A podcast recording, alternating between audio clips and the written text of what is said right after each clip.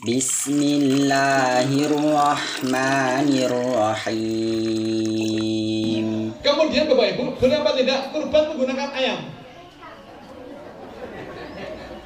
Ayam potong broiler, boleh apa tidak? Kenapa tidak boleh? Bukan satu ekor, tetapi seratus ekor. Boleh apa tidak? Boleh apa tidak? Jawabannya boleh.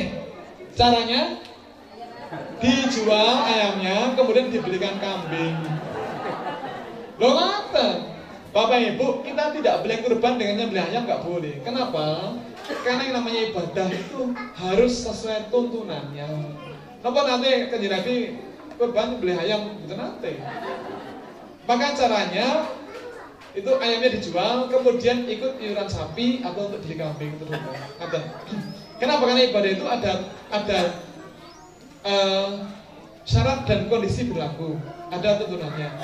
Maka ibadah kurban itu harus memenuhi syarat satu syarat umur, eh maaf, syarat jenis ternaknya, dua syarat umurnya, syarat kesehatannya, yang keempat adalah syarat waktu penyembelihannya. Bapak Ibu, yang boleh kita kurbankan adalah hewan-hewan yang memang dituntunkan.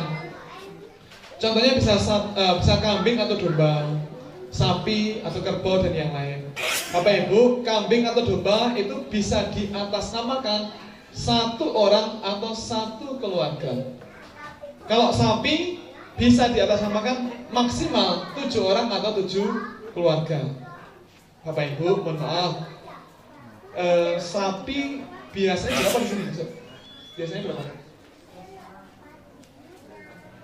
Sapinya berapa? Berapa? Berapa? Dua ekor sapi. Baik, Bapak Ibu, kalau misalnya kita mau ikut iuran sapi, tapi sapi yang terakhir, sapi kedua, kok jumlahnya cuma orang enam, itu boleh apa tidak? Boleh apa tidak? Iuran sapi hanya untuk enam orang? Boleh. Nah kalau lima orang? Boleh. Empat orang? Tiga? Dua? Satu? Bapak Ibu, saya terus terang saya Mary, saya iri dengan tetangga saya. Tetangga saya itu bisa satu rumah satu sapi. Saya terus terang saya iri, Pak. Ya mudah-mudahan kalau Allah akan mampukan kami, kita semuanya bisa kurban satu rumah satu sapi. Mudah-mudahan. Enggak ngamin itu. Kalau ngamin ini apa tuh Loh yang namanya Gusti Allah itu kalau sudah berkehendak menjadikan kita kaya raya gampang bagi Allah. Kenapa kenapa kita boleh mengamini? Nah, kemudian Bapak Ibu, mohon maaf, ini kadang ada keliruan. Uh, tetangga kami ada yang begini, Mas, tahun lalu itu kan saya berban atas nama suami, yang kemarin atas nama istri, yang sekarang ini atas nama anak kami yang baru TK.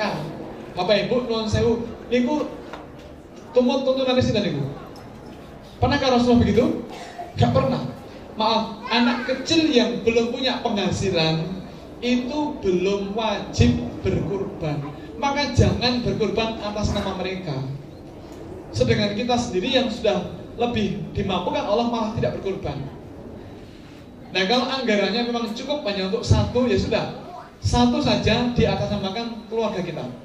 Nah kalau anggarannya cukup untuk dua orang ya sudah satu atas nama keluarga, satu atas nama suami atau istri. Diputar nggak apa-apa, tapi minimal satu untuk atas nama keluarga.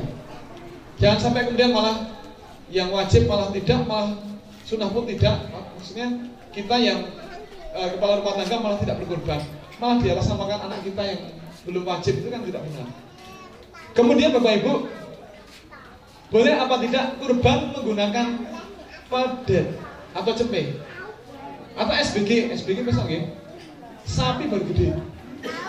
Boleh apa tidak? Kenapa tidak boleh? Karena belum belum dewasa. Bapak Ibu, bagaimana cara meniteni? Ya?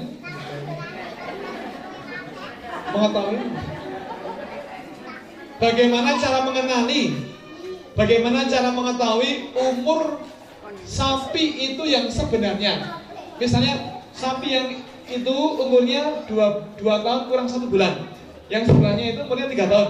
Bapak, Bapak Ibu, bagaimana cara mengetahui dengan tepat umur sapi itu? Dengan melihat apanya? Giginya? Bukan. Tanduknya? Bukan.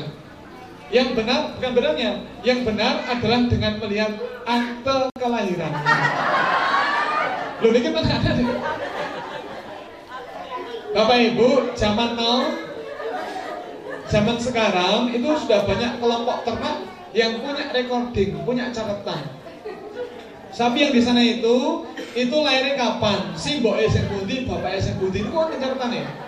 Yang sebelahnya itu, itu lahirnya kapan? Boboterian pinten, bapak esek putih, ibu esek putih itu ada. Lalu kelompok ternak itu kan ini. Cuma kalau kita beli di pasar dan kita tidak tahu catatannya, maka yang bisa kita lakukan adalah dengan melihat giginya. Yang kita lihat adalah gigi pada rahang bawah bukan rahang atas. Bapak Ibu, sejak Nabi Adam sampai sekarang, rahang atas itu kosong. Maka yang kita lihat adalah rahang bawah. Di rahang bawah itu ada empat pasang gigi seri. Empat pasang itu delapan.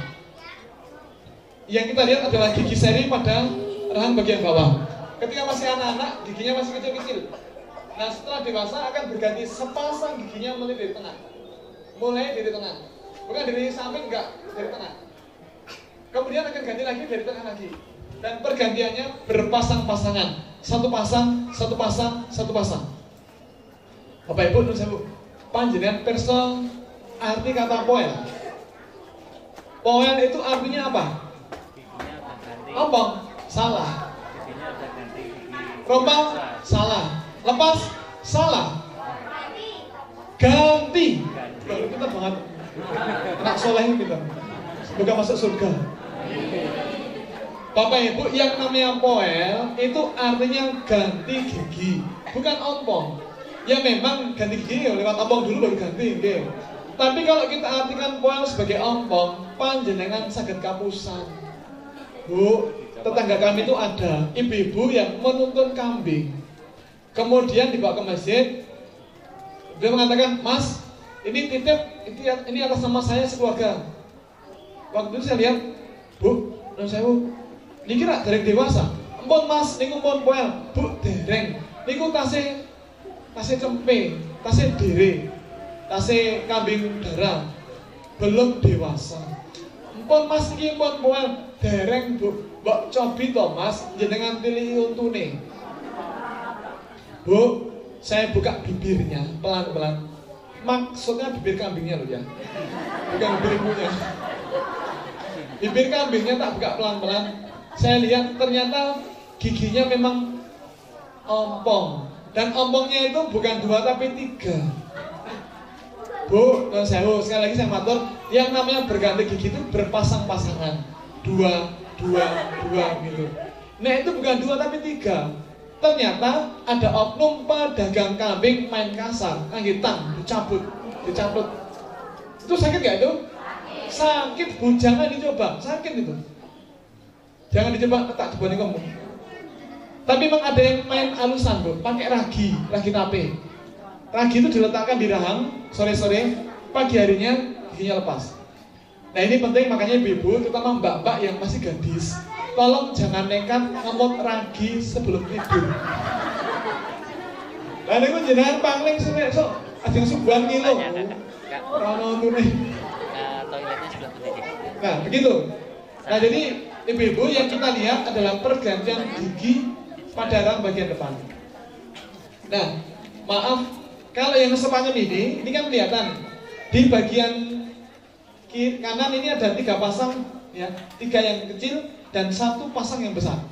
Yang semacam ini namanya poel satu, artinya berganti satu pasang giginya. Paham ibu, gitu?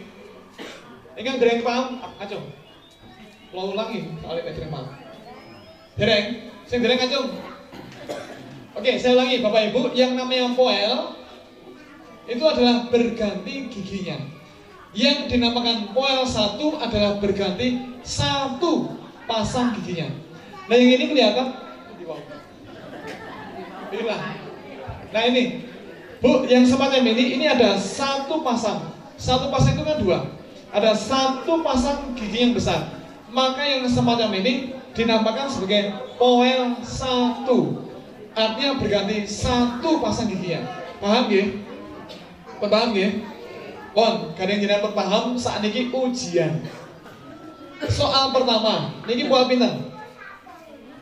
Poel satu enggak, poel satu. Artinya sudah berganti satu pasang giginya yang besar. Ini kan kelihatan, ada satu pasang dan ada tiga di kanan dan tiga di kiri yang kecil. Ukuran gigi permanen, gigi seri permanen itu bisa 2 sampai 3 kali lipat lebih besar dibandingkan gigi seri susu. Jadi yang poel ini akan sebagai poel satu, artinya berganti satu pasang gigi yang besar. Kemudian Bapak Ibu, soal pertama panjenengan bisa lulus. Sekarang soal kedua, ini poel pintar. Poel dua, betul. Berarti telah berganti dua pasang giginya yang besar. Dua itu kan empat. Ada dua yang kecil, karena ada dua yang kecil di kiri. Ini poin dua. Jadi lulus. Soal ketiga, ini poin pintar. Dua. Jadi ada empat, dua pasang yang besar, dua di kanan dan dua di kiri. Kelihatan dari belakang. Yang ini loh, ketutupan. Nah, ini sebenarnya ini dan ini itu sama, foto dari samping saja. Nah, ini poin dua, artinya telah berganti dua pasang giginya. Maka Bapak Ibu besok yang kita lihat adalah pergantian gigi. Kalau belum ganti ya jangan. Kemudian berikutnya Bapak Ibu Rasul mengatakan tidak sah apabila ada empat macam binatang yang tidak sah untuk dikurbankan. Yaitu yang bermata satu yang sangat buta, sakit yang jelas sakitnya, pincang yang sangat pincangnya, patah kakinya dan tidak uh, terlalu kurus dan tidak bersumsum. Artinya hewannya sangat kecil dan cacat makna hadis ini adalah hendaknya ketika membeli hewan kurban atau menyediakan hewan kurban adalah hewan yang sempurna, yang posturnya bagus. Jangan sampai kita pelit. Misalnya begini, ada orang ke pasar hewan membeli kambing, cari, kemudian nanya, Pak, niki pinter nih, minta nih, regine, niki regine kali setengah, Bapak parang kirang, gembon 2,4, parang kirang mana buatan wabon pas ya. Pak niki nun sewu. Niki rak sungune sing tengen rak cuwel to, Pak. Diamen 2,4 nggih, Pun. 2,1. Dipitani Kripati. Lho niki sing tengen Kripati niki uta. Nggih, Pun 1,8. Terus dituntun. Lah niki pincang, Pak. Turun lagi 1,5. Goleki melih ngapa? Bu, non sewu, ampun pelit. Ampun pelit. Kalau kita lomo, kalau kita pemurah, maka Allah akan pemurah pada kita semuanya. Sekarang kita milih Allah itu pelit ke kita atau pemurah ke kita? Pemurah. Maka jangan pelit. Dan ibu-ibu jangan lupa, eh, abang kesupen, kita semuanya ini kan kepingin sugi dan kita mencintai uang kita, harta kita. Maka cara yang paling mudah untuk menyimpan uang kita adalah disimpan di mana? Titip kita masjid, titipkan ke rumah tafis, titipkan ke pesantren, titipkan ke ya dititipkan ke tempat yang memang amanah untuk ibadah. Kalau dititipkan di sini bisa terima tadi? Oh bisa, oh bisa bu. Puan banyak jangan aja titip lagi mawar. Oh ini sakit kok. Dan ini kan pastikan ini mau sakit. Kata gitu. Kalau kita titipkan uang itu, maka uang kita akan menunggu kita di surga. Semakin banyak uang yang kita titipkan, semakin banyak uang yang menunggu kita di surga. Pun saat ini jangan manut, jangan aja tentang surga yang kepengen melarat atau kepengen suge. Suge. ya kok alam-alam itu apa ya? Nek kepengen suge nggak bisa ditabung sing kathah.